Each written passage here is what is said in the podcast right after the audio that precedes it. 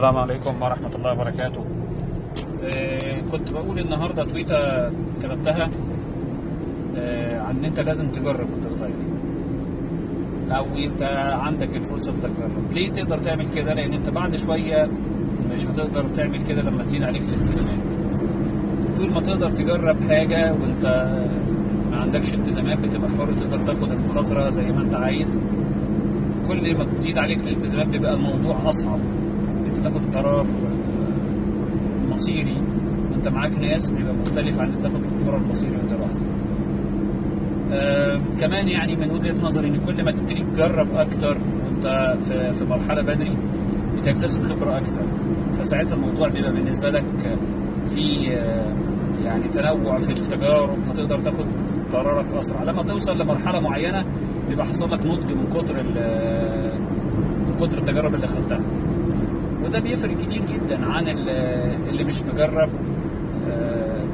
اللي ما جربش يعني. اديكم مثال بسيط جدا الناس اللي بتبقى بتستنى الكلية لحد ما تخلص وبعد ما تخلص وعندها 21 سنة 22 سنة أو أقل أو أكتر بتبتدي تخرج بالسوق وهو ما هوش عارف عايز إيه السوق مش فاهم فيه إيه. وبعدين يبتدي يدور على شغل. يلاقي الشغل محتاج خبرات. يخش يقول طب إزاي؟ أنا لسه خارج. هجيب خبرة ثلاث سنين وسنتين وسنة منين؟ ويبتدي يدور على يخش في ال cycle إن هو يبتدي يدور على شغل كده و training ببلاش ويفضل يسأل ويعمل. مع إنه كان فترة الأجازة طبعا مش كله يعني لكن الأغلب قاعد مريح مش عايز يعمل أي حاجة بيقول لي الأجازة أنا هستريح.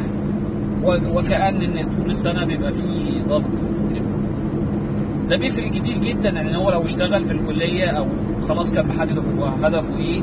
يبتدي يتحرك عليه من بدري. هيقع ويقوم ويقع ويقوم ويتعلم من من التجارب اللي وقع فيها. لما بيخرج وهو سن 22 سنة أو 21 سنة وخاض شوية تجارب عمليه في أماكن كتير تفرق كتير إن هو ما يخش غير ما يكون داخل لسه جديد. مش بس في الموضوع ما ملوش علاقة بال الجزء الفني إن أنت تبقى عارف في شغلانتك أو عارف في الحاجة اللي أنت بتعملها لا كمان حياتي. لأن أنت كل ما بتعامل الناس أكتر كل ما بتكتسب خبرة أكتر الناس ما مش بيدرسوا يعني الحياة بتيجي من التجارب. ما حدش هيقول لك اعمل كذا أو اعمل كذا أنت لازم تجرب وتشوف الدنيا ماشية إزاي. هتسمع كلام نصايح من الناس لكن لازم أنت تجرب الموضوع كله. فنصيحتي ليكم وانتوا آه عندكم فرصة ان أنتوا تجربوا شيء جديد. ما تحاولش تتعلم بأي شيء حاول تجرب. كل ما بي بيعدي عليك الوقت بتزيد التزاماتك وموضوع المخاطره أكبر آه يعني خطره أكبر عليك. ف استعينوا بالله كده وجربوا من بدري. تكسبوا خبرة من بدري.